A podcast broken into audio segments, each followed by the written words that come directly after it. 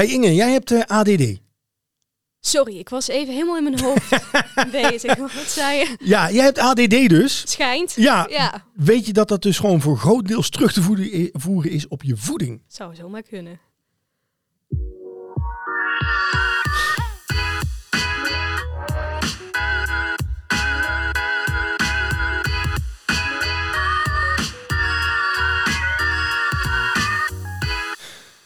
Welkom bij de Tijdwinst podcast. De podcast die gaat over productiviteit, slimmer werken, maar ook werkgeluk. En vandaag hebben Inge en ik het over het boek van Johan Hari. En dat heet De Aandacht Verloren. Of wat was de Engelse titel ook alweer? Stolen focus, why you can't concentrate. Stolen Focus, Why You Can't Concentrate. Nou, Eh, ja, dus. met volledige aandacht en focus wel uitgelezen. Nou, hey. Wat is dat een boek? Ja, vond je het een goed ik boek? vond het een heel goed boek. Het Ja. heeft me ehm, een beetje beangstigd van, oh mijn god. Ja, ik wist dat mijn concentratie vaak slecht was. En Ja. ik dacht van, nou, dat zal 80% aan mezelf liggen. Ja. Blijkt gelukkig he- niet zo helemaal te zijn. Ja. Er zijn nog heel veel factoren. Maar het is wel beangstigend dat je niet aan alle factoren iets kan doen. Ja, ja, nee, eens. Eh, Ik heb hem zelf ook gelezen. Eh, Ik heb hem je ook aangeraden. Ik vond het ehm, echt oprecht een van de interessantste boeken die ik in de afgelopen jaren gelezen heb. Enorme indruk op me gemaakt. Ehm, want eh, ik, ik zei net voor de grap van, eh, je hebt toch ADD? Eh, maar we weten ook dat dat steeds meer en meer voorkomt. En dat steeds meer mensen daar last van hebben. En ook ADHD. En dat eh, de- percentages waarmee kinderen bijvoorbeeld Ritalin eh Ja. toegeschreven krijgen, voorgeschreven krijgen, dat dat enorm ge- Hoeveel gestegen is. Kinderen za- zaten er vroeger bij jou in de klas die ADHD hadden. Ja, ik kan me herinneren dat er misschien net eentje was. Eh, in mijn tijd niet. In mijn tijd was je dan gewoon een vervelend rotjoch die naar de LTS moest. Ja, precies. Nee, maar even serieus? stempel en dan... Nee. Ja. En ook, ehm, eh, en, en ook eh, bijvoorbeeld woordblindheid, dyslexie, dat, dat bestond in mijn tijd ook niet. Ja. Dat was gewoon van, nou, die moeten wat met zijn handen gaan doen. En ehm, eh, aan de ene kant is veranderd tot er tegenwoordig veel beter, ehm, eh, dus het- onderwijs is verbeterd. Eh, er is gewoon veel meer hulp voor mensen die het wel hebben. Tegelijkertijd zien we ook een stijging, een enorme stijging in, in, in kinderen met ja, allerlei problematieken. Dat je bijna speciaal bent als er niks aan de hand is. Precies, en, en daar schrijft Johan Hari, die schrijft Ja. in het boek ook over in het boek van er is zo'n aandachtscrisis aan de hand. Niet Ja. alleen ADHD, dat haalt hij wel ook inderdaad aan. Ja. Ehm, maar met scholieren, met kenniswerkers, het blijkt dat ehm, scholieren kunnen zich nog maar 59 seconden concentreren op iets en Ja. dan zijn ze alweer afgeleid. Ja. Kenniswerkers werken maar drie minuten aan een taak. Ja. En dan zijn ze of met andere dingen bezig, worden ze gestoord. En dat heeft zoveel effect op, op niet alleen op, op je productiviteit, maar ook op je, op je mentale welzijn. Ja. En hij had zoiets van, nou, dit moet stoppen. Ik ga je onderzoek naar doen. Waar komt dit allemaal vandaan? Ja, ja en eh, nou, hij heeft natuurlijk in het verleden eh, eh, eh, eh, vaker onderzoek aan. Hij is, hij is half Zwitsers, meen ik. Hè? Brits, eh, Zwitsers. Ja, Brits-Zwitsers, want hij, hij haalde ook wat Franstalige citaten aan in zijn boek en zo. Maar ehm, het, is een, het is een academicus. Hij is wel in het verleden eh, ook een keer een slecht daglicht geweest, omdat hij eh, dingen had geschreven en dat hij gewoon plagiaat ja, eh, plagiaat. En hij had zijn Wikipedia-pagina een beetje opgeschoven. Ja, hè, onder het motto van beter goed ge- gejat dan slecht zelf gemaakt. Precies, ja. Hij had dit, maar ehm, eh, een paar jaar geleden is hij met dit boek gekomen. En ik had wel het gevoel van, nu heeft hij wat te bewijzen. Hij heeft echt heel veel interessante mensen, echt allemaal 200 o- eh, wetenschappers en onderzoekers heeft hij geïnterviewd. Ja, hè, en, en je merkt ook van, hij, er zat echt een bepaalde bewijsdrang achter, maar ook echt een bepaalde passie voor het onderwerp. Dat hij, eh, en het gaat, we beginnen over ADD en kinderen en eh, eh, ADD daarin, maar het gaat daar niet over, wel een deel van het boek, maar het gaat vooral over hoe wij als maatschappij eigenlijk gewoon onze aandacht gestolen wordt en wat dat doet met ons levensgeluk, werkgeluk, eh, hoe we existeren. En dat herkende ik ook wel heel erg. Ja, en, en hij sluit ook af met... Hij begint en hij sluit af met... Hey, dit is geen zelfhulpboek. Het is niet dat ik nou ga beginnen met... Hey, dit is het probleem. Nee. Ik heb toen dit gedaan. En nou, uiteindelijk ben ik helemaal een perfect persoon. Deze stappen kun je volgen. Nee, het is eigenlijk bijna een schreeuw om hulp. Ja. Van, dit heb ik gemerkt. Dit is er gaande. ik weet niet goed wat we kunnen doen, maar hier zijn misschien een paar dingen waar we als maatschappij Ja. over moeten nadenken. Ja. En dat was reuze interessant. Ja, eh, d- wat je zegt inderdaad, het is meer een hulpkreet dan eh, een, een, eh, een boek met tips en van nou, dit moet je doen, dan kom je erachter. Eh, en, eh, en dat vond ik ook echt oprecht zo ongelooflijk interessant. Ehm beetje deprimerend ook hier en daar, dat boek.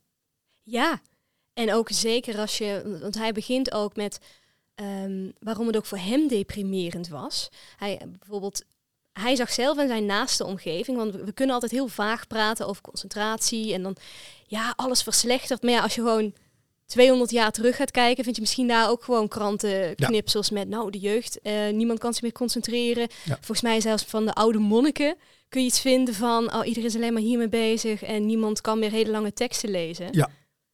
Dat blijft. Ja. Maar je ziet wel dat het steeds slechter gaat. Ja. En hij zag het dus ook bij zichzelf in zijn omgeving met Ja. zijn petekind of zijn neefje was het volgens ja, mij. volgens mij zijn, zijn neefje inderdaad. Hij ging met zijn neefje naar ehm, Graceland. Graceland. Ja, Ja, neefje was helemaal fan van Elvis. Ja. Toen hij klein was, hadden ze gezegd, nou daar gaan we ooit heen. er was toen al wat Dat was met toen, dat was toen al iets heel speciaals mee. Ja, Maar ze hadden toen afgesproken, prima, we gaan daar later een keer heen. Ja. Ehm, dat, dat neefje is volgens mij met 15 van school gestuurd. Ja. En die zat eigenlijk nog maar de hele dag op zijn telefoon, op TikTok, op Snapchat. Kwam niet van dat scherm af. Ja. Had ook de meest hoge schermtijd ooit. Ja. En dat hij heeft van, weet je, kan niet meer. Weet je wat wij gaan doen? Wij gaan naar Graceland op één voorwaarde. Jij laat je telefoon thuis. ja, Nou, dat ging dus niet heel goed. Want toen ze dus vervolgens in de jungle room, Elvis een favoriete kamer met allemaal planten stonden, ja. zat hij gewoon op zijn telefoon te scrollen. En volgens mij van, kijk, als je nou hier scrolt, naar links scrolt, naar rechts scrolt, dan kun je zo de, de kamer van Elvis zien. en dat hij dus heeft van, jongen, we staan in de kamer. Je kunt ook gewoon met je hoofd swipen, Ja. dan zie je het ook. Ja, En toen was er zoiets van, ja, nou, dat, het is gewoon een blijk van, we zijn helemaal niet meer bezig met om ons heen. Ja. Maar alleen maar met dat stomme ding. Ja. Dan klinken we meteen heel erg als een, ja, ja, klinkt heel volwassen van je. Ja. De jeugd van tegenwoordig. Ja, Maar hij ging het dus verder onderzoeken en het blijkt dat we dat niet alleen met onze telefoon doen, maar eigenlijk met bijna alles. ja, ja, en dat, hè, ehm, hij zag dat toen bij zijn neefje, daar schrok hij heel erg van. En vervolgens ging hij eh, dus ook, hij heeft zich op een gegeven moment zelf toen ook teruggetrokken in een of ander heel suf stadje, Ja, Provincetown. Provincetown.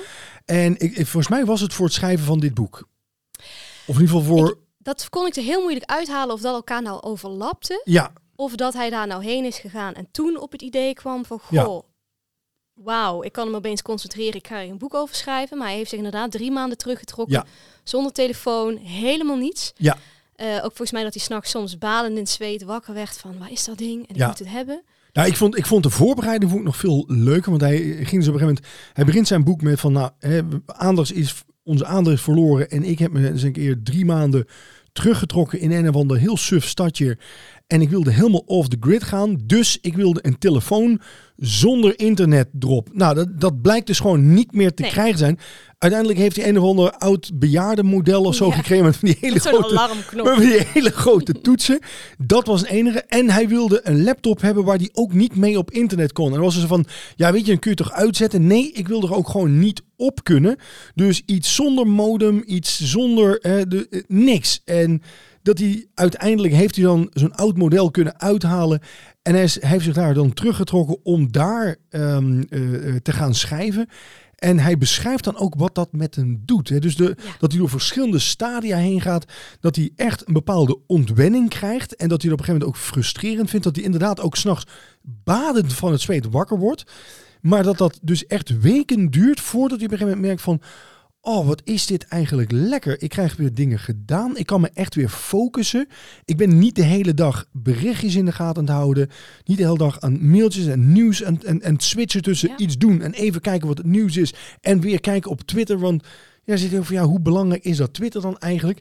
Maar dat het hem ook opviel dat hij bijvoorbeeld eh, dat hij dan veel meer naar buiten ging, veel meer ging wandelen, dat hij veel beter sliep. En, dat, eh, en, en dat hij bijvoorbeeld ook als hij dan zat te lunchen, dat hij ook alleen maar aan het lunchen was. En dat er dan andere koppeltjes bijvoorbeeld bij elkaar zaten en die waren allemaal op hun telefoon aan kloten.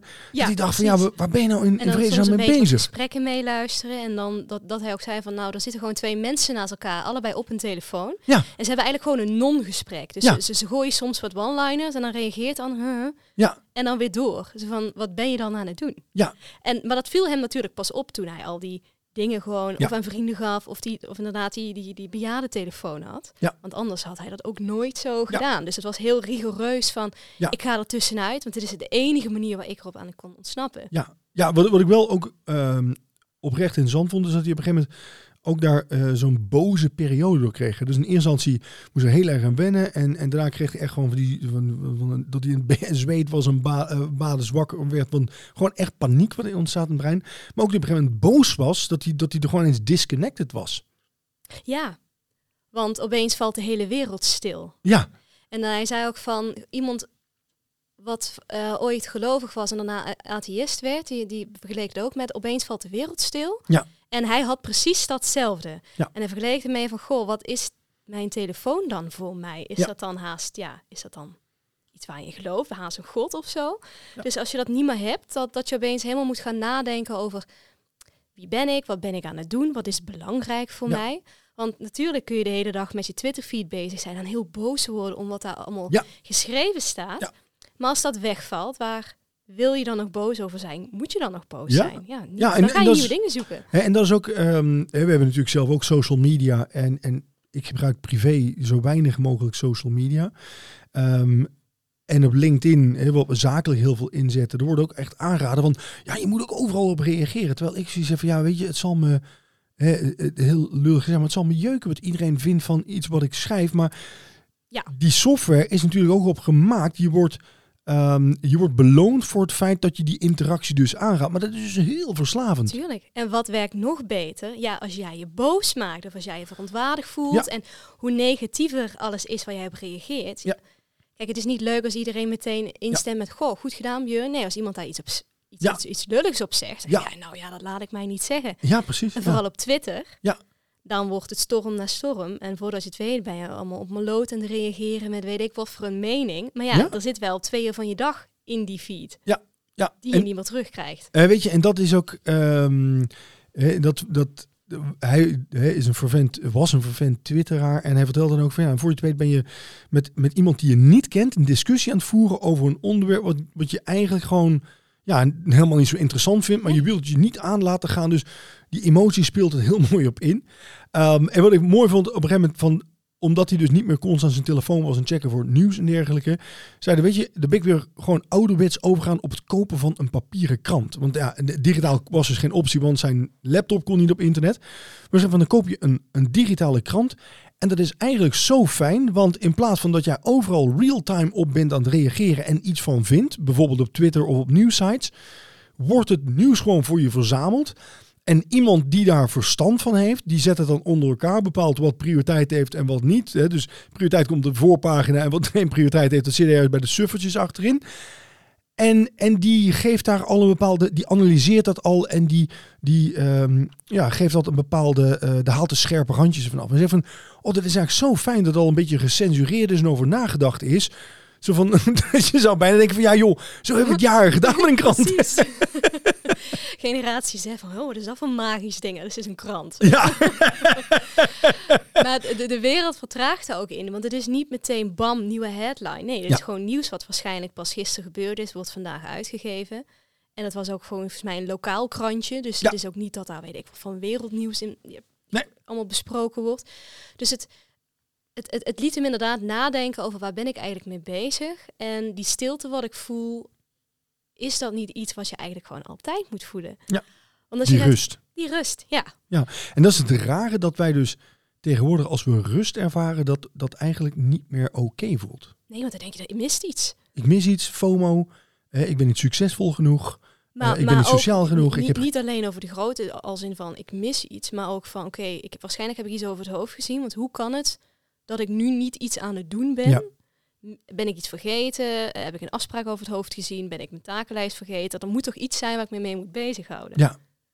En nou, als je dat dus een paar en een tijdje dus niet allemaal hebt en je gaat, je gaat terug de stilte in en er is even helemaal niet om je druk over te maken en je kunt je gaan focussen, dan ga je dus ook inzien wat belangrijk voor je is. Want hij geeft ook aan van er zijn um, vanuit al, al, dat onderzoek, één wetenschapper zei, nou er zijn drie manieren van focus. Je hebt uh, de spotlight, dus eigenlijk mhm. als een soort zaklamp. Ja. Um, dat, is iets, dat, is, dat is iets wat je letterlijk schijnt, bijvoorbeeld op de taak wat je op dit moment aan het doen bent. Ja. Bijvoorbeeld iets schrijven. Daar wil je op dat moment op kunnen focussen. Dat is iets wat ik wil doen. Word ik gestoord? Jij tikt me bijvoorbeeld uit mijn concentratie. Ben ik eruit? Duurt het ook weer even voordat ik daarin ben? Dat wil je niet. Je wilt je gewoon kunnen focussen op wat je op dit moment doet. Dan daarboven heb je de sterrenhemel, uh, noemde die wetenschapper mhm. dat. En dat is weer een laagje. Dus bijvoorbeeld het schrijven, dat is bijvoorbeeld het schrijven van dat boek. Iets wat je heel graag wilt. Mhm. En ook dat kun je pas gaan doen wanneer je je langdurig kunt focussen. Wanneer je dat constant niet doet, dan kom je er nooit aan toe. Dan schuift dat boek weer verder. En de focus weer daarboven, eigenlijk het grote geheel, dat is het daglicht. Ja. En dat is de focus die je wilt hebben als je wilt nadenken over wat wil ik in mijn leven? Ja. Waarom wil ik eigenlijk een boek schrijven? Ja. En dat bereik jij pas. Dus dat klinkt allemaal, dat zijn allemaal eigenlijk van die domino-steentjes wat rechtop moeten blijven staan. Want als jij je al niet kunt focussen op het schrijven, kom je nooit bij dat boek. Kun je ook nooit afvragen wat wil ik. Ja. Dus dat is ook de reden waarom hij zegt we moeten aan die concentratie gaan werken voor de focus. Niet alleen zodat we afkrijgen wat op dit moment op tafel ligt, ja. maar ook dat we over het grote geheel kunnen kijken, individueel. Maar nog belangrijker, een samenleving wat zich niet kan concentreren al op bijvoorbeeld een video van 10 minuten. Ja. Hoe kun je dan concentreren op de werkelijk grote problemen? Ja. Want je kunt niet zomaar, want hij haalde ook een paar keer bijvoorbeeld klimaatcrisis aan en eh, de economische crisis. Hij zegt van hoe kunnen mensen zich in godsnaam daar een oplossing voor eh, mee komen als we niet eens eens kunnen focussen op de hele kleine zaken. We moeten ons bij ingrijpen ja. en aan die focus werken. Ik, ik zie dat trouwens ook, uh, en ik stoor me daar echt wezenloos aan. Als je bijvoorbeeld uh, kijkt naar een beschouwing in de Tweede Kamer, waarbij een, een, een Tweede Kamerlid iets, iets aan het zeggen of een vragen, of die is de, de minister tot de orde roepen. En die minister die zit gewoon op zijn telefoon. Dat is toch niet normaal? Bouwt het feit dat het gewoon compleet respectloos is. Want zo iemand vertegenwoordigt het volk. Nee, van ja, wacht even, maar jij kunt niet en tegelijkertijd luisteren en tegelijkertijd lezen. Dus je bent waarschijnlijk alle twee niet goed aan het doen. Ja. maar je bent sowieso niet echt aan het luisteren naar die persoon. Ja, en als je dat dan al niet kan, je kunt je niet eens dus focussen op wat iemand uh, voor je zegt. Hoezo kun je dan wel focussen op het grotere probleem? Ja, dat kan gewoon niet. Ja. Ja. Dus dat, dat is gewoon zo'n iets waar we met z'n allen aan moeten werken, maar ook individueel. Ja, ja, en ja, ik, ik vond het wel mooi. Hij haalde op een gegeven moment ook. Uh, hij komt echt met een aantal wetenschappers voorbij. En ik denk van hé, maar die ken ik stuk voor stuk. Niet persoonlijk, maar boeken gelezen waarvan ik weet, hé, maar dit zijn mensen die heb je geïnterviewd. Het zijn echt de autoriteiten in hun vakgebied. Hè. Bijvoorbeeld, ehm, eh, eh, hij haalt een van de eerste mensen die aanhaalt is Mihaly Csikszentmihalyi. van Flow. Ja, van Flow. Dus de, de man die uh, onderzoek heeft gedaan, uh, zijn levenswerk heeft gema gedaan naar, gemaakt van um, concentratie, uh, flow, de optimale ervaring die we kunnen bereiken als wij ergens, als je je echt ergens helemaal in kunt verdiepen en je bijt je helemaal in vast, dat je zo geconcentreerd bent dat je op een gegeven moment niet, dat je de tijd uit het oog verliest en dat dat, dat je brein gewoon op een ander, uh, ja, op, op, een, een, op, in een andere frequentie op dat moment zit. Mhm. En dan ben je heel creatief, super gefocust, et cetera. Dit was een man waar ik twintig jaar geleden en, en, en ja, twintig jaar geleden eerst keer boeken van las. En toen hadden we, was die telefoon, die was er nog helemaal niet. En toen was dat al een, een probleem soms om ons te concentreren. En, en die man die zegt nu van ja, hè, dat is eigenlijk helemaal verloren gegaan, eh, die concentratie. En, en, en die, die flow. Maar dat heb je wel nodig om echt in die, die creatieve dingen te komen. Volgens mij kun je pas na 40 minuten concentreren in een flow raken. Ja. Dus moet je nagaan dat als wij iedere drie minuten al wisselen van taak, dan kom jij dus nooit in die flow. Nee. En dat heb je dus wel nodig. Puur al, al, is het alleen al zodat je je gewoon goed voelt en het idee hebt van ik ben bezig met de dingen die mij echt iets brengen. Ja. Want volgens mij voor flow moest het iets zijn, dat is iets van, van drie kenmerken. Het moet iets zijn wat uh, een doel specifiek voor jou is. Uh, het moet op het randje van je kunnen zitten. Ja. Dus het moet niet te makkelijk zijn, niet te moeilijk. Ja. En uh, het moet volgens mij ook iets bijdragen aan. Je moet ergens naartoe werken, dat ja. is het. Ja. En hoe vaak doen we dat nog eigenlijk? Weinig. Echt, Ja? De enige keer dat ik me dat echt nog kan herinneren dat ik dat gedaan was toen ik zelf mijn boek was aan het schrijven. En dat ik op een gegeven moment dacht van oké, eh, er is een deadline. En die komt steeds dichterbij. En nu gewoon kappen met alles. En inderdaad internet uitzetten. Ik weet nog dat ik toen gewoon de router thuis uitgetrokken heb. Dat ik niet op internet kon. En dat het gewoon was van oké, nu zitten en schrijven. Ja. En inderdaad van dat je denkt van ah, het lukt niet, lukt niet, lukt niet. En op een gegeven moment dan ga je gewoon door en lukt het wel. Ja, en dan voordat je het weet begint het te schemeren en is het opeens Ja. zeven uur. Ja, en Dan ik, zit je daar al een paar uur. Ja, hè, en dat je op een gegeven moment denkt van, oeh, eh, oh, mijn rug, ik moet eens even opstaan. Het kan dus wel, maar Ja. gedurende de dag, ja, eh, gedurende normale weken, merk ik zelf ook dat dat, eh, dat, dat langzamerhand verloren is gaan. En dat is volgens Johan Hari ook een van de grootste boosdoeners waarom we dus die concentratie kwijt zijn. Omdat Ja. niemand meer in die flow zit. Nee. We zijn constant alleen maar aan het, aan het switchen van taak naar taak naar taak naar taak. En Ja. nooit vastbijten in iets en doorgaan. Ja. En dat is, ja, dat is eigenlijk zo jammer. Ja, en dit is ook, eh, ik had toevallig, eh, was ik gisteren een, een, eh, video op het nemen over wat de favoriete e-reader voor mij bijvoorbeeld op dit moment is. En als je mensen zegt van e-reader, doe normaal, ik heb toch een iPad. Nee, want als jij aan het lezen bent, dan wil je echt die concentratie opbouwen. Je wil echt langere tijd gefocust met één taak tegelijkertijd bezig zijn. En als ik een iPad heb, dan heb ik toch constant de neiging om even tussendoor even wat te checken, even wat op te zoeken. En van, oh, ik lees iets en denk ik, oh, wacht even opzoeken. En, en de ene site leidt tot de andere, voor het weet ben je een uur verder. En heb je weer niks Ja. gelezen. En dan denk je dat je hartstikke productief bent geweest, want je hebt en je mail gecheckt en je hebt even dit afgetikt en je hebt die een berichtje gestuurd. Lezen heb je niet gedaan. Nee. En ja, je bent alleen maar bezig geweest met multitasken. Ja. En, en dat is eigenlijk gewoon het tegenovergestelde van flow, multitasken. Ja. En dat moeten we dus niet meer doen, dat, dat multitasken. Daar heeft hij zo'n breed hoofdstuk over geschreven met wat het allemaal doet en het effect op je brein. En Ja. iedereen weet dat ook wel. Het is niet iets dat waarvan je nou leest dat je denkt, oh nou dat wist ik niet. Iedereen Ja. weet het, maar het is toch vaak lastig om te denken, nou ik ga me inderdaad aan één taak Ja. vastbijten. En dat, dat- inderdaad, hè, ehm, iedereen weet het, maar toch doen we het niet. Ja, hetzelfde met slapen. Ja, Want slapen doen we ook niet meer. Want Zijn we weer gestopt. niemand slaapt meer tegenwoordig. Ja, ja. Nee, het is schijnbaar dat we sinds de jaren 40 één uur minder slapen als bevolking gemiddeld Ja. per nacht. En dat heeft al zoveel effect.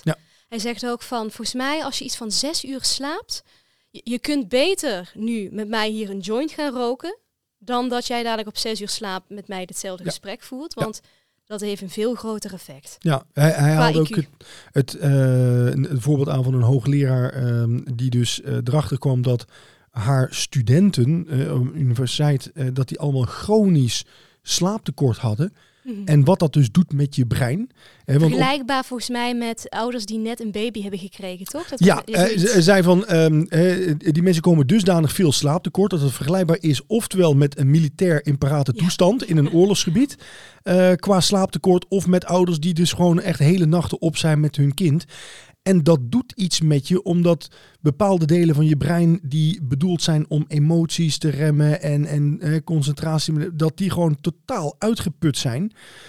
En ehm, wat ik ook heel interessant vond, is dat, eh, en daar haalde je een Nederlandse hoogleraar weer voor aan, eh, dat het, het slapen, dat is niet alleen om de accu op te la- laden, maar slapen, dan eh, s s'nachts worden ook je hersenen als het ware gespoeld. hè. Ja. Dus ehm, eh, eh, heel veel hersenvocht, eh, of heel, heel veel vloeistoffen in hersenen worden afgevoerd.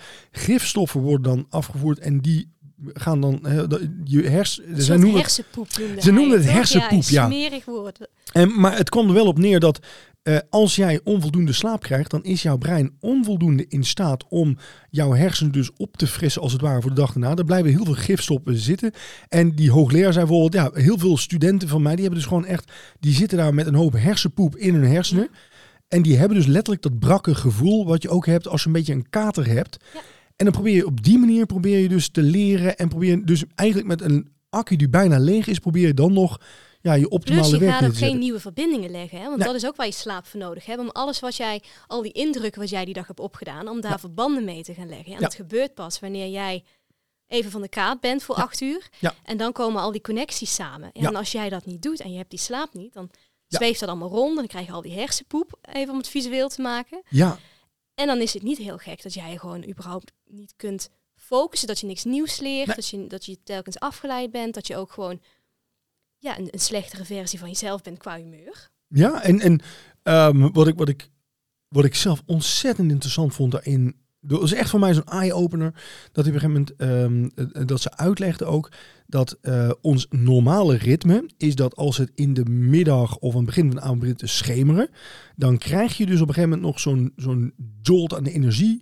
Want na, in, in een in, in uh, lang vervlogen tijd, toen we allemaal in het wild leefde, was gewoon van, hey, als het dadelijk donker wordt, dan moet je wel zorgen dat je zorgt dat je veilig bent en dat je beschutting hebt en dat je tegen wilde dieren uh, uh, beschermd bent. Dus als het langzamerhand schemerig wordt, dan ziet ons brein dat al van, oh, het wordt schemerig. Nu geef ik je nog even een boost aan energie, want je moet je klaarmaken voor de nacht. Je moet zorgen Even dat we veilig zijn. Even Ja. tegenaan. En daarna slaap je eh, eh, slaap je langzamerhand in en dan eh, pak je op minimaal die acht uur. Maar wat wij met de uitvinding van kunstmatig licht gedaan hebben, is dat we dat dus zijn gaan oprekken. Dus dan wordt het schemeren, gaan wij het licht aandoen en ineens krijg je weer, die denkt van, oh ik ben helemaal niet moe. Jawel, je bent wel moe, je moet gewoon eigenlijk gaan slapen, maar... En, en zeker ook omdat wij tegenwoordig heel veel die iPad eh, dan nog mee naar, naar het bed nemen of de telefoon. Dan krijg je dus echt een bak licht, wat dus iets doet met je brein. En ook nog eens dat blauwe licht, wat nog heel, Ja. helemaal met je bioritme En dat- knoeit. En dat activeert dus jouw brein. En ik herkende dat heel erg, want ik had dus ook eh, vorig jaar eh, heb ik dat. Hè, want ik ben echt nu veel beter op mijn slaap gaan letten. Maar dat ik vorig jaar eh, dat ik daar nog had van, oh ja, ik ben moe. Oh, weet je wat, ik ga in bed liggen en dan pak ik even de iPad en van, oh, ik ben helemaal niet moe. En dan weegt het 12 uur. Ja? Terwijl nu, ik doe dat dus niet meer. En meestal half tien, tien uur, dan val ik gewoon op een natuurlijke manier in slaap. Omdat ik gewoon dood en dood moe ben. Maar zou ik dan nog die tablet erbij pakken en dat licht krijgen, weet ik 100% Ben je zo zeker wakker. dat, dat je brein dus weer opgeladen wordt. En dat je denkt van, oh nee, maar ik kan er nog tegenaan. En dat is ook eigenlijk is- van de dingen wat je makkelijk kunt veranderen. Ja. Gewoon niet meer aan dat stomme blauwe licht, twee uur van tevoren. En Zorg dat je ook echt die acht uur... Hij zei ook van, ehm, tegenwoordig heb ik er een gewoonte van gemaakt, van, van alle tips en dingen die ik in het boek geef. Het enige wat ik nou echt structureel doe, is zorgen dat ik iedere eh, dag die acht uur krijg. Haal ik het niet, ga ik gewoon terug naar bed. Ja. De dag van, oh, dat vind ik eigenlijk wel een goeie. helemaal Ik denk dat ik dat ook gewoon eens ga doen. Ja, en ik, ik, ik vergelijk het zelf met een jaar geleden.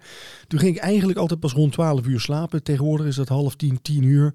Eh, en dan gaat het licht uit en ik voel me zoveel beter. En, ik krijg, je, en dan moet je een tijd in investeren. Wat je wat jaren gekost heeft om af te breken, heb je niet met twee weken weer opgehaald. Ik merkte bij mezelf dat ik dat, dat toch best wel lastig vind. Ik probeer op alles eigenlijk heel goed te letten, en ook qua productiviteit. Ja. En slaap is vaak, ik, ik, ik heb last van revenge bedtime. Dus weet je wel, de hele dag druk gewerkt en dan heb je de kinderen natuurlijk. En Ja. zodra die dan eindelijk in bed leggen, En nu denk je, tijd voor mezelf. oh, even twee uur niks. Ja. ja, en dan ga je dan nog even tv kijken of wat lezen. En dan is het toch opeens gewoon 11 uur. Dan denk je, oh, ik wil nog even in bad en dit doen en dit doen. 12 uur. Ja, als je Ja. dat maar dag in dag uit doet, dan heb je een slaapachterstand. Ja, en, en er ontstaat een bepaald ritme. En wat een eh, Josje Smeets, die een tijd Ja. geleden ook hier is, die gaf me ooit een keer de tip zijn van, weet je, s'avonds doe ook gewoon, zorg dat, je, dat er een routine ontstaat, dat je op tijd moe wordt. Dus eh, eh, zorg ervoor dat je na een bepaalde tijd niks meer eet, maar ook dat s'avonds dat je gewoon de lichten wat terugdraait. En eh, sfeerverlichting in plaats van hele felle verlichting in huis zorgt ook dat je op een gegeven moment een beetje moe begint te worden. En als je dat een aantal keer gedaan hebt, dan ontstaat dat bij, bij jezelf. Je kunt je lichaam daar als het ware in trainen om die routine te ontwikkelen. En dan ga je ook op een, op een gezonde tijd slapen. Want ja, laten we nou eerlijk zijn, die laatste twee uur s'avonds, wat je dan nog uit, eruit perst, kwalitatief is het ook gewoon Nee. kaar. De- Ja, daar heb je gewoon helemaal niks aan. heb je helemaal niks aan. En je, wordt 's ochtends vroeg wakker en denk je, nou, was dat het nou waar? Nee, niet echt. Nee. Ik probeer nou ook, ik heb een, ik heb een avondwekker staan. Die luidt als van, goh, ga je klaarmaken? En ga Ja. ik dan rustig aan. Inderdaad, mijn lampen dimmen nou automatisch naar het rood. Ja. In plaats van blauw. Dus het ziet er een beetje raar uit van de buitenkant. ik wilde het al niet zeggen. Ja, er maar raar goed uit. dat je nou even context geeft dat we dat de eter in gooien. Precies. Eh, maar ik slaap daardoor veel sneller. Ja. Dus het, eh, ik probeer het nou een tijdje en het gaat best wel oké. Dus eh, iets wat ik eh, wel structureel aan ga werken. Ja, maar het is vond van, eh, hè, dat gaf aan een aantal problemen. Die, hè, dus de, de flow waar we niet meer in komen. Eh, het feit dat we uitgeput zijn, we lezen ook niet meer. Ja, ook een hele grote. Ja. En ook dat klinkt weer als gezeur van een andere generatie. Ja, de jeugd leest niet meer en iedereen zit alleen maar op zijn eh, iPad. Ja. Maar het blijkt dat langdurig lezen dus zoiets doet met je concentratie in plaats van alleen maar snippets van eh, dingen wat je steeds voorbij ziet komen. Het, het langdurig vastbijten in een tekst Ja. en vooral ook het laten meevoeren in een verhaal. Ja. niet alleen supergoed voor je focus, maar ook voor je empathie. Empathie, ja. Ja. ja. En dat vond ik ook echt, denk van, oh ja, want ik kan me echt herinneren dat ik op de lagere school zat, de middelbare school. Ik vond lezen echt heel erg prettig. Eh, ik ben inderdaad van een andere generatie, dus wij hadden geen, eh, ik had die device allemaal niet, dus ik, ik verslond romans. En wat ik leuk vond om te lezen is dat dus, dat helpt je dus ook om empathischer te worden. Niet per se oprecht, maar je snapt hoe mensen denken en oorzaak, gevolg en wat sociaal wel en niet wenselijk is. En dat is gewoon hartstikke nuttig. En hij zegt, als je nu kinderen bij elkaar zet, zo van ja, en dan een, een normaal gesprek met elkaar voeren, onze sociale vaardigheden zijn gewoon echt achteruit gegaan. Ja, en volgens mij was er ook nog iets van als je dezelfde tekst eh, kinderen laat lezen op een iPad of in een boek, Ja. dan bleek daar zo'n groot snapverschil in te zitten dat Ja. bijna vergelijkbaar was volgens mij met een half jaar ehm, leerproces, zeg Ja. maar. Dus dat is iets, en dan, dan denk ik, ja, maar ja, lezen, lezen, ik heb daar nooit tijd voor. En wanneer moet ik dat dan gaan doen? Ja. Maar misschien, ik bedoel, een half uur per dag is volgens mij al voldoende om je brein daarin te stimuleren. Ja, maar weet je, ik heb zoiets van, eh, mensen moeten tegen mij niet klagen, want ik heb geen tijd. Als jij drie, vier uur tijd hebt per dag om op je Ja. telefoon te klooien en dus een uur of meer dan een uur bezig bent met social media, dan heb je dus gewoon overal tijd voor. Punt. Precies, ja, Ja, klopt. stop gewoon- Kijk eens naar je schermtijd. Stop met En- die onzin. Ja, halveer dat desnoods en ga, dat, ga dan lezen. Maar ja, niet s'avonds, want Ja. dat knoeit je misschien met je, Ja, met kijk, slaap, vlak voor bed. En, en ik vind zelf ook, ehm, eh, eh, het is algemeen aanvaard. En, en eh, iedereen zegt er ook de hele tijd dat we allemaal gestretter worden met z'n allen. En tegen burn-outs aanlopen, et cetera. En zelf denk ik ook altijd van, ja, is dat, wordt dat dan allemaal door werk veroorzaakt? En ik denk van niet. En dit boek, hè, weet je, en dat wil ik niet mee bagatelliseren dat mensen niet hard werken of wat dan ook. Maar ik denk ook van, joh, wat zijn we onszelf aan het doen als maatschappij? Hier is een trend in aan het zetten wat ik bij hem herkende. Dat vond ik zo interessant aan het boek. Hij legt een aantal dingen naast elkaar waarvan ik niet dacht dat ze per se zo'n heel sterk verband hadden. Maar we dachten van, ja, jemig, dat is Ja. echt inderdaad zo van, ja, we kunnen... is ook een visieuze cirkel van, goh, we zijn misschien Ja. minder gaan lezen omdat we dus die telefoon hebben. Ja. Maar is dat zo? Want Ja. het is ook, het, het, het, ehm, als we meer gaan lezen, gaan we dan ook inderdaad minder op die telefoon? Waarschijnlijk niet, maar het, het, het, het zorgt er wel voor dat je ook anders gaat kijken naar je realiteit. Want dat is ook wat hij zei van de media, de, de manier waarop je het, medium bepaalt jouw realiteit. En Ja. dat klinkt heel vaag, maar hij zegt van, goh, kijk eens naar jouw Twitter feed. Wat leert jou dat over de wereld? Nou, dat alles dus eigenlijk in 420 tekens allemaal heel snel gaat. Alles, Ja. Je reageert op alles wat, oh, sorry, alles wat boos is, eh, frustratie, de wereld is slecht, het moet allemaal dit, dit, dit, dit, dit. Maar wat leert een boek jou als je gaat lezen? Dat de wereld wat ingewikkelder is. Ja. Dat je er niet zo zwart-wit naar kunt kijken, dat je pas aan het eind van een boek een conclusie kunt trekken. En daar zit vaak tien uur aan leesstof in. Ja. En Instagram leert jou dat de wereld alleen maar om gaat van, is iemand mooi? Ja. En vrienden zijn mijn vrienden als ze me een likeje geven. Dus Ja. het bepaalt heel erg, het medium bepaalt jouw realiteit. Dus Ja. het is vaak ook van, hoe wil jij jouw realiteit zien? Ja. Wil je het wat, toch wat meer met grijswaarden? Ja, ga Ja. dan ook meer lezen, verbreed je focus. Ehm, word empathischer in plaats van dat het alleen maar allemaal hak, hak, hak, Ja. likes en tweets moet zijn. Ja, en, en dat vond ik ook, hè, we zien dan toch op die, die software. ehm, we hebben zelf al een aantal eh, artikelen geschreven over bijvoorbeeld Tristan Harris en hoe, ehm, hoe die zijn, ehm, eh, eh, zijn telefoon inricht. Ontwerpethicus van Google. Ja, ontwerpethicus van Google, die eh, op een gegeven moment bij Google zichzelf eh, in de picture heeft gezet op een negatieve manier. Doordat hij op een gegeven moment zei van ja, waar zijn we nou eigenlijk mee bezig? Want we, we hebben Gmail ontwikkeld en we zijn eigenlijk gewoon aan het proberen mensen de hele tijd af te leiden. We hebben de mogelijkheid gewoon om te zeggen van je mail komt niet constant binnen en we doen het gewoon niet. We zijn gewoon de hele tijd die mensen aan het afleiden. En toen bleken, hè, en hij haalde dat met Gmail aan met een aantal andere programma's. En toen zei heel veel mensen binnen, binnen Google van ja, ik vind eigenlijk ook heel erg dat we dit doen. Want we zijn gewoon letterlijk het brein van mensen kapot aan het maken. Met En waarom- opzet. Ja. Met opzet. Waarom doen we dat? Hè? En hij is toen, eh, hebben ze hem een of andere eh, functie gegeven binnen Google waar hij geen kwaad meer kon. Hè? Want uiteindelijk elk idee waar hij mee kwam was gewoon van, ah nee, dat doen we niet. Ah, dat doen Ja, we want niet. in het begin was Google, want hij schreef zo'n manifest. Ja. En iedereen ziet van, wauw, inderdaad, supermooi. Ja, we lezen het, dus dank, ja, dankjewel. Ja. En dan is van, oké, gaan we dan ook wat mee doen? Nee. We gaan jou op die functies. Ja, we gaan jou op die functie zetten. Regel jij dat maar. Maar vervolgens was het wel van ja, eh, wacht even, maar als we er wat aan doen, dan gaan mensen dus minder op die schermpjes zitten en krijgen wij minder reclameinkomsten. Dus er iets aan doen betekent minder winst. En Ja, dat is Dat natuurlijk is een een moeilijk. grote. Ja, en dat is voor een bedrijf is natuurlijk een, een tegennatuurlijke keuze. Dus hij gaf aan binnen Google werken dus heel veel mensen werken aan dingen mee waarvan ze zeggen, ja, dit vinden we eigenlijk gewoon echt totaal niet oké. We zijn de concentratie van volwassen mensen en van kinderen gewoon blijvend aan, het- aan het verknallen. Het is ook niet heel gek dat zij dus ook hun eigen kinderen vaak niet op de tools of op de apps Ja. laten die ze zelf hebben ontworpen. Ja, en, eh, ehm, ehm, eh, hij, eh, Steve Jobs, die deed dat al met de iPad. Zeg maar, Mijn Ja. kinderen krijgen geen, geen iPad. En wat krijgen we voor zijn Nederlands? Steve Jobs scholen.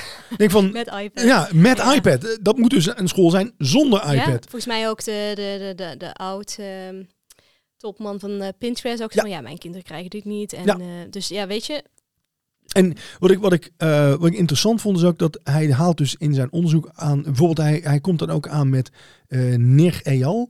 En Nir Eyal, daar had ik al een keer een boek over gelezen. En Nir Eyal die zegt gewoon heel erg van, ehm, ja je moet gewoon, ehm, hè, wil je minder afgeleid raken door al je devices, dan moet je gewoon zelf, ja eigenlijk dan moet je zit niet... ook een uitknop op. Ja, er zit een uitknop op, hè, je moet niet zo watje zijn. En Neer Ayal is, is misschien wel in staat om zelf daar weerstand aan te bieden. Maar, hè, zegt, eh, zegt Johan Hari, en heeft een hele discussie met hem gehoord. Die heeft hij ook, die hele discussie heeft hij opgenomen. Heeft hij op zijn website gezegd. Want hij, als hij, ik kom met deze man gewoon niet uit. En, ehm, hè, eh, want hij zegt van ja, die Neer die legt alles in bij de, neer bij de individuele eh, verantwoordelijkheid die je hebt. Maar het is geen individuele verantwoordelijkheid als jij het opneemt tegen bedrijven die de slimste mensen ter wereld in dienst nemen. Met als enige doel om jou heel veel af te leiden, zodat zij geld verdienen aan de tijd die jij. Ja, Ja. Op, aan, hun- eh, kijk naar de reclames die jij in die gratis software allemaal neerzetten. Eh, bijvoorbeeld, ehm, vroeger had je een Facebook, eh, wat we tegenwoordig sowieso niet meer gebruiken, maar dan scrollde je naar beneden en dan kwam je eens onderaan de pagina en hield de pagina op en dan moest je, moest je dus klikken van, nou, doe me naar de volgende pagina om te kijken wat er nog allemaal gebeurd is. En als je van, ja, wacht even, maar dat is niet handig, want dan worden mensen bewust van het feit dat ze dus doorklikken naar een tweede pagina. Dan denken ze misschien van, waar ben ik mee bezig? Dus infinite scroll. Als jij onderaan komt, verversie vanzelf. Op een gegeven moment dachten ze, weet je wat, dat is nog niet goed. Maar daardoor werd de schermtijd al met van 50 of 60 procent omhoog gedaan. Ze zeiden van, nee, weet je wat, het is nog veel handiger het omdraaien. In plaats van dat je naar onder scrolt van nieuwste nieuws. Zet het nieuwste nieuws gewoon bovenaan en vernieuwt het gewoon van daaruit elke keer weer. En dat soort trucjes Hoe zorgen... langer ze jou vasthouden, hoe meer... Ja. je- ook zo van, als jij niet hoeft te betalen voor de app, dan ben jij het product. Jouw aandacht is Ja. het product. Ja, jouw En aandacht en jouw jouw gegevens worden verhandeld. ook. Maar hoe langer jij er bent, hoe meer gegevens ze ervan kunnen maken. Ja. En dan zegt ook wel eens, als apps het daadwerkelijk goed zouden willen doen, wat is Facebook? Nou ja, een soort vrienden eh, social media, toch? Je het eigenlijk bedoeld voor in contact te komen met mensen. Als Facebook het oprecht goed met ons voor had, zei Johan Hari ook, dan zou er een functie zijn van, goh, deze mensen zijn in de buurt, deze zijn in de buurt, die wilt afspreken, die wilt afspreken, heb je daar zin in? En dan zou je buiten, na een cafeetje, zou jij dus inderdaad kunnen gaan afspreken. Ja. Maar waarom doen ze dat niet? Want hoe minder jij dus, hoe meer jij gaat afspreken, hoe minder jij op Facebook zit, hoe minder tijd er is, hoe minder ze kunnen verkopen, hoe minder gegevens jij achterlaat, Ja. dan is het niks meer waard. Het is totaal niet, het is haast met een kwaadaardige manier ontworpen, ook echt om je zo lang mogelijk vast te lijmen Ja. op dat scherm. Ja. En wat je zegt van, en je kunt dan wel al die tips die wij ook in alle artikelen zetten van zet je notificaties uit, leg je telefoon misschien even weg. Jij strijdt tegen duizend Silicon Valley techneuten. Ja, ja. En die strijden tegen jou. En die zijn daar zo in, voor- die die hebben daarvoor geleerd, die hebben daar Ja. cursussen, trainingen. Zoals eh, die meneer wat jij zei, die na, na- Ayel. Ja. ja, die heeft dus ook nog een boek geschreven. Die heeft twee boeken volgens mij. Eén is voor de consument van zo ga je met social media verslaving om. Ja. Andere boek was voor Silicon Valley. Dit is hoe we Verslaafd eh, maken. Ja, letterlijk gek maken. Volgens mij was het in de titel. Ja. Dus allemaal technieken die je kunt toepassen Ja. met om iedereen zo lang mogelijk vast te houden. Ja. En er was ook een, op een gegeven moment een beweging dat mensen of techneuten zoiets hadden van waar zijn we mee bezig? Ja. En ook toen eh, volgens mij een of andere ontwikkelaar vroeg in zo'n hele grote groep dan, een Silicon Valley, van hey, wie wilt in de wereld leven die jullie nou geschapen hebben? Ja. Stak niemand zijn hand op. Ja. Dus dat is best wel erg als je eigenlijk aan iets meewerkt. Ja. Waarvan je zelf zoiets hebt van wat doen we met de focus? Wat, wat zijn we Ja. voor een wereld aan het creëren? Ja, kijk, en, en het is natuurlijk wel zo hè, en, eh, ehm, dat bedrijven zoals Google en bedrijven zoals Facebook, die kun je bijna vergelijken met een VOC zoals dat vroeger was. Dat een bedrijf was wat een, een, een, een meer impact had dan het land waar, eh, waar het in ontstaan was. Dat meer macht had ook. En eh, bedrijven zoals Google ook, dat zijn bedrijven van een hele andere orde geworden tegenwoordig. Die kun je ook niet meer zomaar vangen in valt bijna niet tegen op te er boksen. valt niet meer tegen op Volgens te mij hebben die soms een verzamelinkomen of winst van meer dus dan, dan, de, dan de bruto nationaal product van kleinere landen. Eh, ik, ik, geloof dat, ik geloof dat Google een, een, een winst heeft die groter is dan, eh, dan Ja. eh, de, de begroting van Nederland. En niet alleen is dat heel gevaarlijk als je ook gaat kijken over dat zulke bedrijven dus ook bijvoorbeeld vrijheid van meninguiting, dat ze over bepaalde dingen wat kunnen vinden. Ja. Dat is al één ding. Daar kun je een heel boek over schrijven. Maar waar hij het dus inderdaad over had van wat zij met onze focus doen. Ja. En wij vinden dat nu nog heel normaal. Zo van Ja. ja, is maar Facebook. Ja, ik heb er, je, be- je bepaalt zelf of je erop zit. Bijvoorbeeld. Dat is vaak een beetje de insteek dat bepaal je geweest. dus niet. Zo van, je legt je gewoon je telefoon weg. Ben jij, ja, jij bent erbij. En dat is ook wat hij zegt van, er wordt ons heel erg het gevoel aangepraat. Het is jouw schuld. Ja. Dat jij niet van je telefoon kan afblijven, zegt gewoon iets over jouw wilskracht Ja. en discipline. Ja. Dat blijkt dus gewoon niet zo. Nee. Want er wordt gewoon met man en macht aan gewerkt om dat dus niet te doen. Ja. Wat moet er dus dan gebeuren, zegt hij. Nou, dan moet dus gewoon strenger gekeken gaan worden naar wat doen die bedrijven. Er moeten gewoon afspraken over gemaakt gaan worden. Ja. Waarschijnlijk over 50 jaar kijken mensen terug naar, hier, naar nu. Laten we het hopen. Laten we het hopen, hopen. Dan je van, ja, waar waren En die dat dan mensen zeggen van, bezig? het is toch niet normaal dat daar toen geen, geen, geen regelgeving over was, dat dat zomaar kon, dat iedereen zich dat ook liet gebeuren. Dat wij gewoon accepteren dat eh, onze Google eh, en Alexa alles afluisteren, dat doorsturen naar Facebook. Ja. Ehm, dat, dat alles zo eraan gedaan wordt dat wij daarop blijven zitten. Ook Ja. voor weer die economische groei. En het, Ja. er valt gewoon niks aan te doen. Nee, Bijna. nee. Dat Dus- gevoel. Hè, maar ik vond dat dus wel een interessant punt van, hè, van oh ja, we, kunnen ons, hè, we komen steeds moeilijker in flow. Eh, we zijn steeds uitgeput omdat we hè, weinig slapen. We lezen bijna niet meer. We zijn heel dat afgeleid be- en bezig met dat scherm.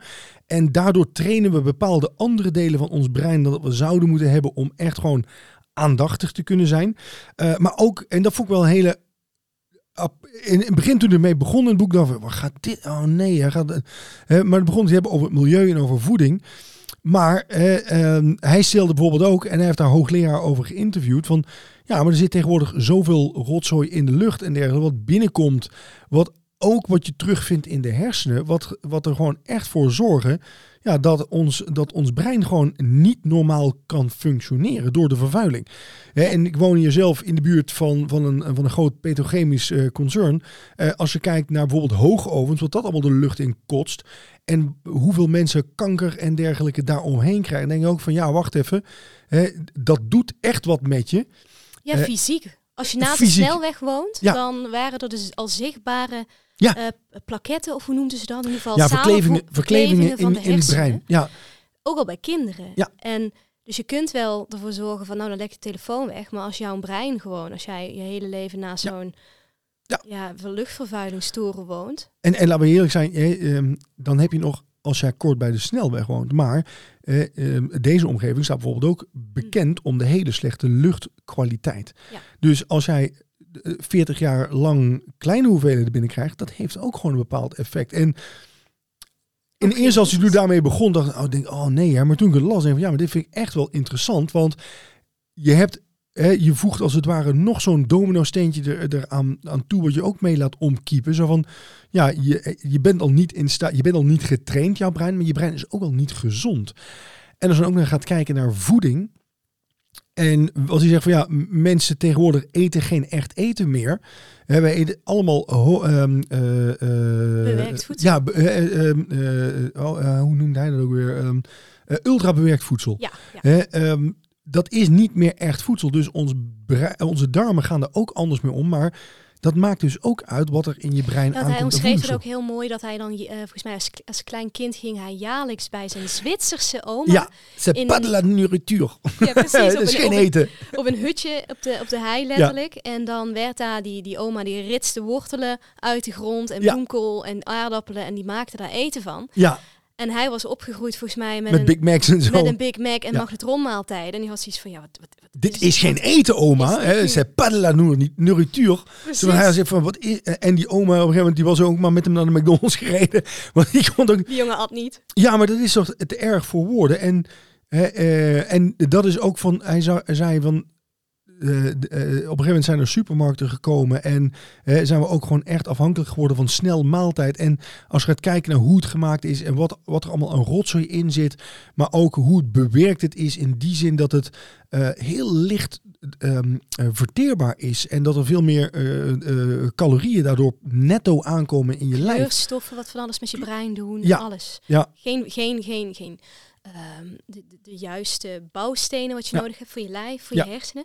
Maar juist aan die, eigenlijk die drie dingen, vind jij dat dan niet, beangstigt dat jou niet? Als je denkt van Ja. oké, op milieu heb ik bijna al niks te zeggen, op, voeding is ook al eigenlijk ruk. Dan hebben we ook nog zo'n zo'n Mark Zuckerberg wat in de nek zit te hijgen. Ja, ja, en vooral het, het maakt je, ehm, eh, het geeft een verslagen eh, idee. Zo, van, ja, hoe kan ik hier wat aan doen? Want ehm, voeding is bijvoorbeeld heel moeilijk. Hè, maar, maar ik vond ook interessant dat, dat eh, een hoogleraar dus ook zei van, als je kijkt naar tegenwoordig wat allemaal in de lucht, lucht rond en wat er in de grond zit en waar wij weer en hoe wij onze voeding eten, dan is het absoluut niet mogelijk dat mensen nog een normaal functionerend brein hebben tegenwoordig Om mee te beginnen eigenlijk. om al mee te beginnen. Hè? En ja, dat vond ik wel. ehm, dat vond ik wel heel erg interessant. En zeker omdat hij het dan vervolgens doortrekt naar, naar wat je dus ziet in de afgelopen jaren. En dan heb ik het met name over kinderen. Dat er is, eh, ik meen dat hij dat zelfs zei, in Amerika, in Texas, dat op dit moment iets van 30% van alle kinderen ADHD hebben. Ja. ADHD of ADD. En zegt hij, dat heeft te maken met al deze dingen waar we het nu over gehad hebben. dat speelt daar dus een rol in. En die kinderen, die, eh, die, die worden dan ook nog, omdat ze zich dus... Want ADHD is geen officiële diagnose, het is gewoon een aantal symptomen. En dan wordt gezegd van, nou, je hebt ADHD, want je kunt niet concentreren, je kunt niet stil blijven zitten, et cetera. Het is eigenlijk een aanduiding van wat er op dat moment speelt. En Ja. Volgens mij vergeleek hij het ook met van is hetzelfde dat iemand een hoesje heeft. Dat je gaat luisteren van, oh ja, die hoest. Maar Ja. Dat, dit betekent niet dat je Dat je verkouden bent. Ja, je weet niet waar het vandaan komt. En Ja. het is ook geen oplossing. ADHD is geen oplossing. Nee, het is een, En er wordt gezegd van, nou, gooi er maar wat Ritalin in. En wat ik ook interessant vond, was dat ehm Ritalin, dat, dat zorgt dan misschien wel dat de symptomen, dat iemand wordt rustiger ervan, maar iemand kan zich niet beter concentreren. Dus ze hebben cognitieve gedragstherapie op kinderen losgelaten. En ze hebben eh, Ritalin op kinderen losgelaten. En vervolgens gaan kijken van, oké, als nu dan eh, ze gaat testen, vervolgens zijn dan de scores veel hoger. En dan bleek, nou, de ene was een verbetering van 1,5 en de andere van 1,6 procent. Dus dat was ook nog marginaal. En eh, dat vond ik ook wel, eh, eh, zeker omdat kinderen die groeien natuurlijk op met die slechte voeding in dat eh, een milieu wat helemaal de, wat, wat vol zit met gifstoffen. Dus ehm, eh, en die worden dan heel vroeg al in aandacht contact gebracht met allemaal die social media en die en schermen. voegt daar ook nog stress aan toe. En voeg daar dan ook nog een stress dat aan was toe. ook een heel groot onderdeel daarbij. Van, het is niet heel raar dat mensen, laten we nu even over kinderen hebben, dat als zij bijvoorbeeld opgroeien in een gezin waar dus altijd stress en heibel is, ehm, financiële zorgen horen daar ook bij. Ja. Dan kun jij je niet meer focussen. Dan zit jij in een overlevingsmodus. Ja. En vergeleken het ook met als jij in de natuur bent en je weet dat er een tijger is, dan ben je de hele tijd aan het zoeken waar Ja. is die fucking tijger. Dus hij schijnt jou een spotlight heten en dan kun jij je niet focussen op dat plantje wat voor je ligt. Ja. Dus je bent steeds bezig en dan krijgen die kindjes krijgen vaak te horen van nou hij kan zich niet focussen in de klas. Hij is alleen maar hiermee druk bezig of dit en doen. Ja. En er was ook een schrijnend verhaal over dat, ehm, dat jongetje wat dus eh, seksueel misbruik ehm, had ervaren. Hè? Ja. En daar was op een, op een slechte manier of bijna niet op gereageerd, niet goed in de, in, in, het, in de gezinssituatie. Ja. Dus dat kindje moest eigenlijk zelf met die stress omgaan. Ja. Dus ook weten dat hij bijvoorbeeld iedere week zijn, volgens mij was het zijn, zijn, Zijn zijn stiefpa, stiefvader ja, of zo, zou zien. En als jij dan in de klas zit en jij moet je focussen op dat huiswerk, Ja. En je weet van... Het is jouw minste probleem, nee, dat klopt, huis. Precies, dan is, dan is dat niet dat die jongen per se ADHD heeft. Ja, dat is de stempel. Ja. Maar waar komt dat vandaan? Wat, wat is er gaande? En als jij inderdaad met die cognitieve gedragstherapie ehm, aan de stress gaat werken, of er worden bijvoorbeeld geldproblemen worden opgelost, of er wordt op een betere manier omgegaan met, er wordt gepraat met het kind, Ja. hij krijgt tools in handen. Ja. Opeens bleek dus, ging dat gedrag werd beter, kon hij zich beter concentreren. Ja. Maar vaak wordt daar gewoon een pilletje in geduwd. Ja. En dan houd je dat jaren vol. Ja. En dan is het van, ja, dat kind heeft ADHD, stop er maar een pil in. Ja, wat ik, wat ik heel eh, verschrikkelijk eh, verhaal vond. En, en, voor duidelijkheid aan de luisteraars toe. Het is niet zo dat hij dus vindt dat bijna alle kinderen getraumatiseerd zijn. Maar eh, ik, ehm, waar je het over had was hyperwaakzaamheid. Dus Ja. constant alles in de gaten houden. Het kan zijn omdat je je dus niet veilig voelt. Of omdat er thuis stress is. Of omdat er stress ontstaat omdat je bijvoorbeeld ja, altijd aanstaat. Hè, dat Ja. levert ook hyperwaakzaamheid op. En hyperwaakzaamheid, waar het ook door veroorzaakt wordt, dat doet dus iets met ons brein en doet dus ook op een gegeven moment iets met ons gedrag. En kinderen, hè, geeft er aan, eh, ja, daar kunnen dus allerlei redenen spelen voor die hyperwaakzaamheid, maar dat is dus wel veel meer aanwezig dan dat dat vroeger ooit was. En dat doet dus iets met die kinderen. En vervolgens hebben we al heel snel neiging van, nou, gooi er maar eh, eh, Ritalin in, in plaats van dat we dat doen aan die oorzaken. Ja.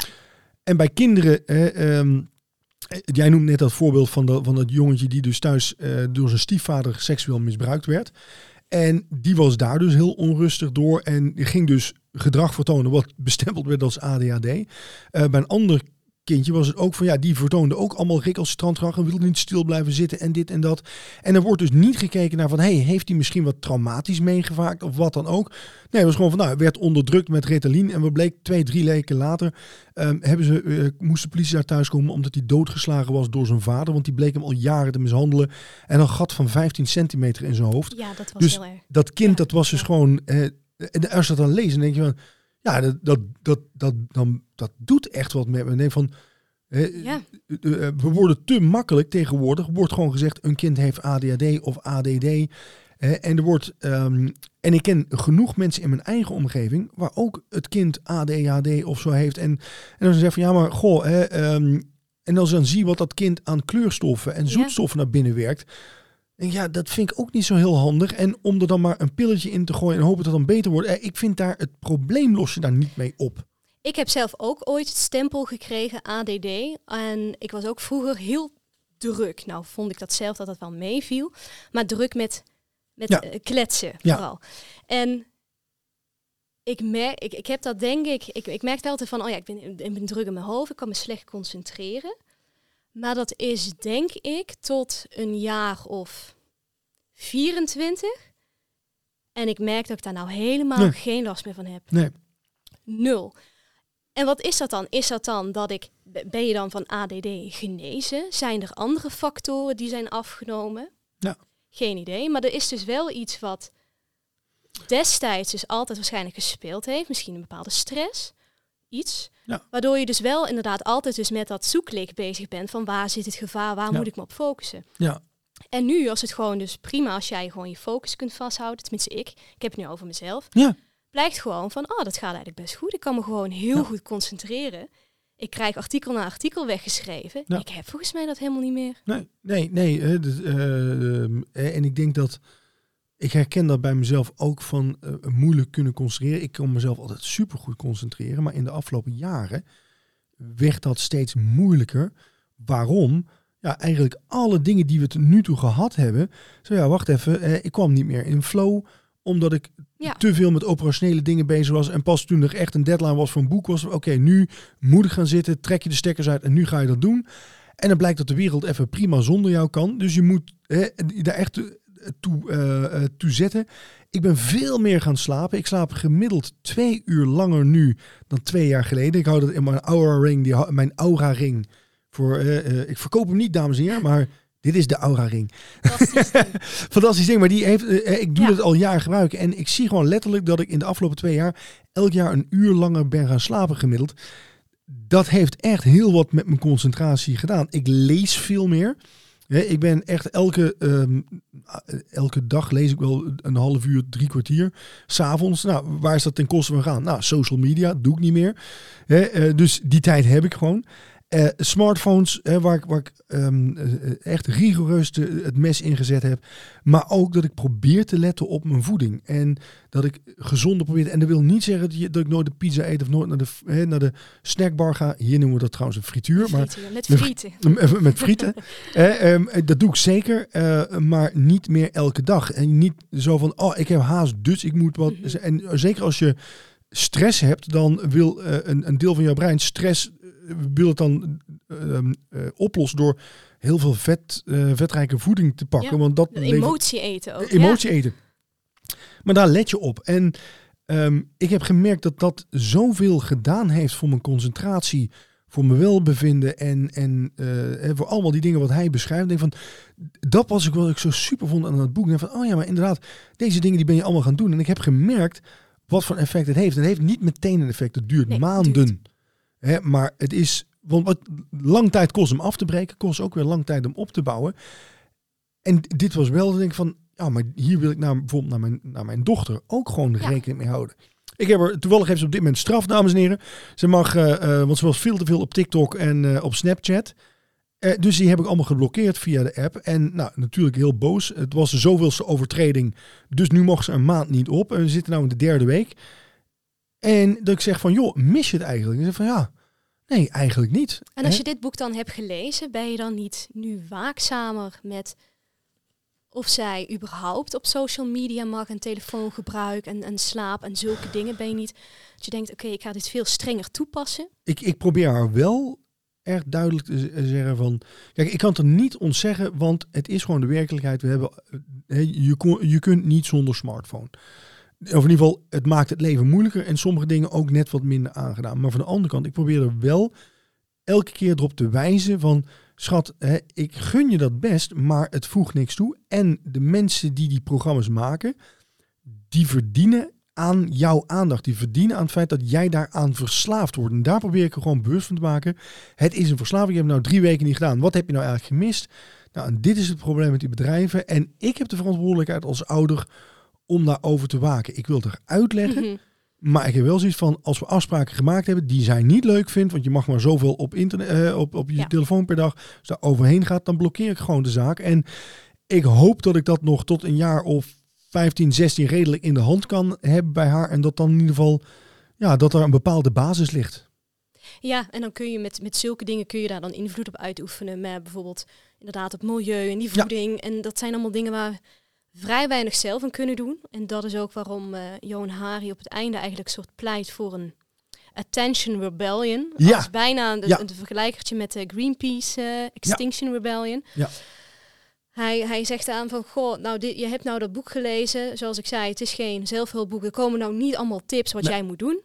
Het enige wat we kunnen doen, is als samenleving gewoon nou echt een keer een vuist gaan maken en zeggen van, kom op, het moet nou toch echt een keer stoppen. Ja. Hij, hij vergeleek het ook met zijn eh, oma. Zo van, nou, die had vroeger ook geen stemrecht. Ja. Die mocht niks behalve het aanrecht. Dat was destijds, zei ook iedereen van, ja, wat wil je daar tegen doen? Het is nou eenmaal is zo. nu De, eenmaal man- zo. de mannen bepalen alles. Wat wil je er tegen doen? Dat is uiteindelijk is dat ook veranderd. En vooral van tegenwoordig, dat is ook nog niet allemaal. Het is ook nog niet allemaal koek en ei. Het is ook nog niet hoe het hoort. Maar het is wel al beter, beter, beter dan hoe het gewoon 60 jaar geleden was. Ja. En dat moeten we dus nou ook gaan doen met alle social media. Dus hij pleit daarom voor een eh, surveillance. ehm, Ja, Surveillance, eh, surveillance capitalism. Ja. Hij zegt van ja, eigenlijk moet je gewoon wettelijk verbieden. Eh, dat, je, moet gewoon door bedrijven dwingen van je mag niks meer verkopen, je mag geen ehm, advertenties meer aanbieden. Of er een abonnement van maken. En dan word je dus gedwongen om, want dan, dan moet je dus een abonnementvorm eraan gaan koppelen. En waar nu de adverteerder de klant is, wordt dan de gebruiker de klant. En dat vond ik aan zich wel van, ja, ik zie het niet gebeuren, maar zou het zou wel goed zijn. zijn. Het zou wel Het goed is dus zijn. net als Netflix. Zo van, oh ja, ik betaal daar 14 euro per maand voor, dus ik kies wat ik wil zien. Ik wil er tussendoor geen reclame, helemaal Ja. prima. Ja. En als ik bijvoorbeeld... En dan wordt dus ook gemaakt waar ik Precies, heb. Ja. En als ik dan een euro per maand zou moeten betalen voor Instagram, en daardoor zie ik wel alleen wat mij blij maakt, in Ja. plaats van boos Ja. of onzeker of weet ik veel, of kwaad op, op Ja. Twitter, dat ik alleen gewoon de dingen zie die mij iets bieden, Ja. dan denk ik, nou, dat zou eigenlijk best wel goed zijn. Ja, ja. En ehm, wat ik ook een goed punt vond, was de kortere werkweek. Hij zegt van ja, elk, eh, sinds de jaren eh, ehm, ik weet volgens mij de jaren 60, maar elk jaar Ja. komt er een kwartier, ja, sinds de jaren 60 meen ik dat komt een kwartier per week aan werktijd bij in de Amerikaanse samenleving. En eh, heel veel mensen die werken, eh, ehm, eh, eh, daar is ook heel normaal om meer dan één baan te hebben. En dat is helemaal niet productiever. Eh, ik was toevallig, was ik van de week aan het lezen dat ehm, eh, eh, bij Amerikaanse advocatenkantoren, daar gaat het om je billable hours. Mhm. En in Nederland kon ik daar namelijk niks van vinden, maar voor Amerikaanse bedrijven ehm, geldt, voor Amerikaanse advocatenkantoren geldt dat jij 1700 tot 2100 billable hours per jaar moet hebben. Dat wil zeggen dat als jij Vijf, eh, als jij 52 weken eh, per jaar zou werken, dat je nu al boven de 47 uren uitkomt Geen gemiddeld. Hè, dus ja, weet je, en dat slaat helemaal nergens op. En wat hij ook, hij haalde ook een voorbeeld aan van bedrijven waar ze zeggen van ja, weet je, eh, Engelse bedrijven waar bijvoorbeeld onderzoek gedaan is dat mensen 30 tot 35 procent van hun dag gewoon nutteloos bezig zijn. Ehm, eh, dus zegt hij van je kunt prima minder dagen gaan werken en dan toch hetzelfde opleveren. En hij had ook een, een voorbeeld van een Australisch bedrijf. En er zijn meerdere landen in de wereld die hier al mee geëxperimenteerd hebben. Maar een Australisch bedrijf waarbij de directeur ook zoiets gelezen had. En toen hij terugkwam van een vakantie in Engeland, meen ik, dat hij zei van oké, we gaan het anders aanpakken. Eh, iedereen krijgt dadelijk gewoon voor 40 uur betaald. Maar we gaan 32 uur werken allemaal. De komende maand krijgen jullie allemaal de tijd om je daarop voor te bereiden. En over een maand gaan we dit doen. En jullie mogen allemaal terug naar vier dagen in de week. Je krijgt voor vijf dagen betaald. Maar het werk moet wel gedaan zijn. En in die maand zijn mensen toen echt gaan kijken van oké, hoe kunnen we dingen slimmer doen? Hoe kunnen we het inkorten? Softwareproblemen. hè. Sommige mensen die waren gewoon een uur per dag bezig met dingen handmatig overtypen van het ene naar het systeem naar het andere systeem. En dat vonden ze gewoon prima. En, en doen was denk van nou, als je het geregeld krijgt in minder tijd, dan, eh, eh, dan is die tijd voor jezelf. En toen gingen ze echt gewoon bij ICT ervoor zorgen dat, ze, eh, dat, het, eh, dat het geregeld werd. En zo kwamen en uiteindelijk, hè, en dat hele MT van de bedrijf zei van, jemig, wat doe jij nu? Het wordt één grote ramp.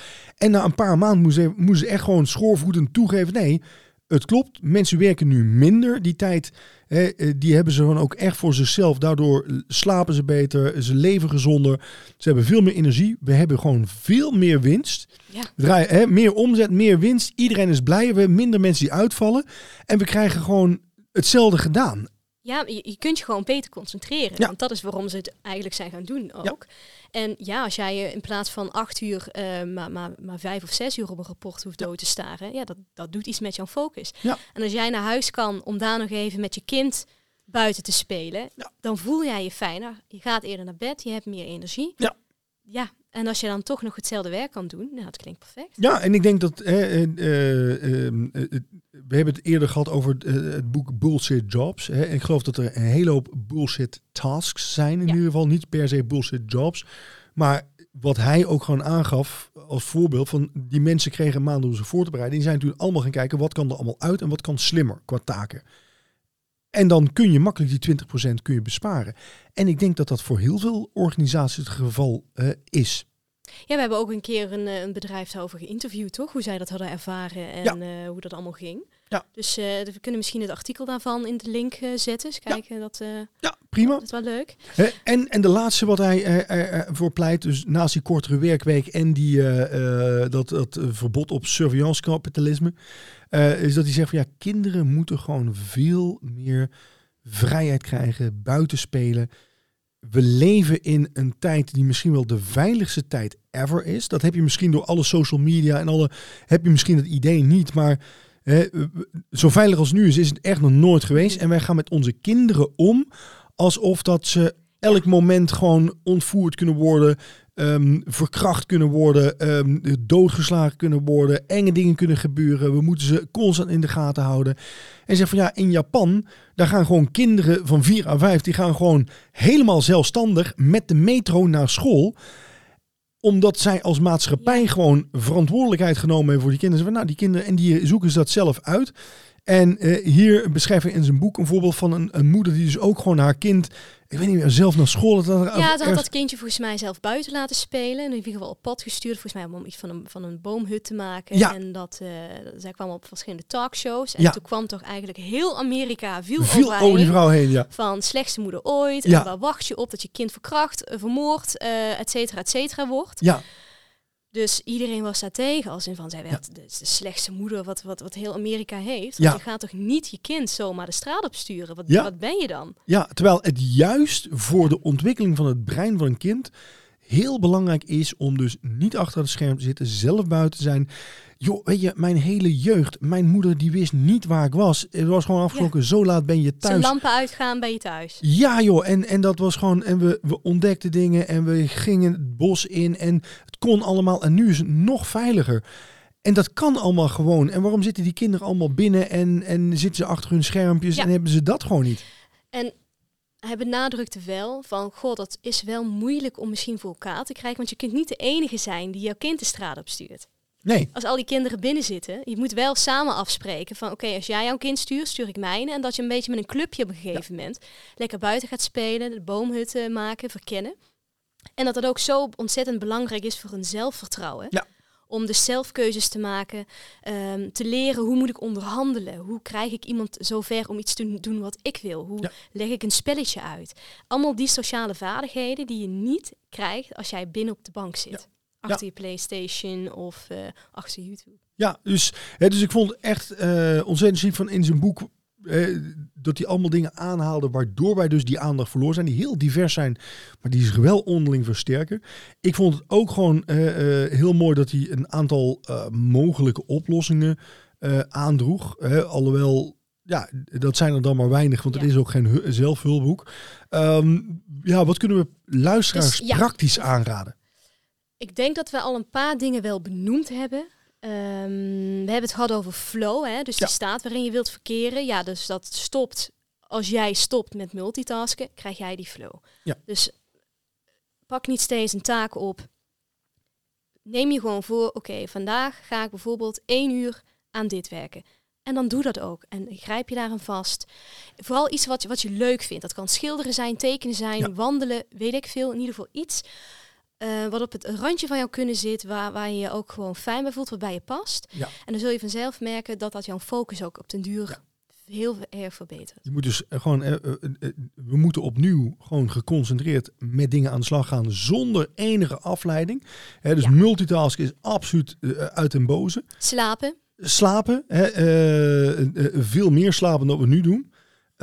Maar ook gewoon de ruimte krijgen om te dwalen. Hè, dus om ehm, je brein gewoon eens even te laten nadenken over dingen, creatieve ideeën. Als jij altijd met je spotlight bezig bent van de ene op het andere en nieuws bent het lezen en mailtjes bent het lezen en berichten in de gaten bent het houden, dan krijgt jouw brein nooit de ruimte om gewoon zelf eens even te ratelen en informatie te dat verwerken. daglicht niet. Wat, Ja, En, en informatie aan elkaar te knopen en tot nieuwe ideeën te komen. Dus De manier Ja. waarop je dat kunt doen, toevallig, is Ja. gewoon ook heel goed voor je huis meteen huishoudelijke klusjes uitvoeren. Dus de Oh ja. afwas, je huis poetsen, dan gaat je brein helemaal nadenken. Ook Ja. geen muziek opzetten of gewoon even alleen maar heel eentonig werk. Ja. Dat doet het altijd goed. Eh, dagdromen, Ja. wandeling in de natuur.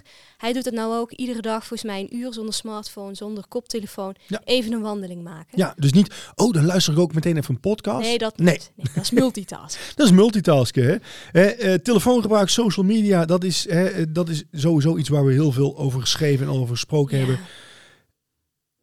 Ik ben er echt steeds meer tegen. Gewoon, en, en je kunt, ik vind het, hè, ehm, hij is er heel sterk tegen. Ik zie ook, ik zag ook echt dat zijn boek bijvoorbeeld ook weer invloed heeft gehad op andere boeken. Bijvoorbeeld, tijd hebben we ook een boek van Thijs Lauwensbach besproken. Ja. Hè, daar zie ik ook, eh, dat was trouwens ook een van de bronnen, was dit boek.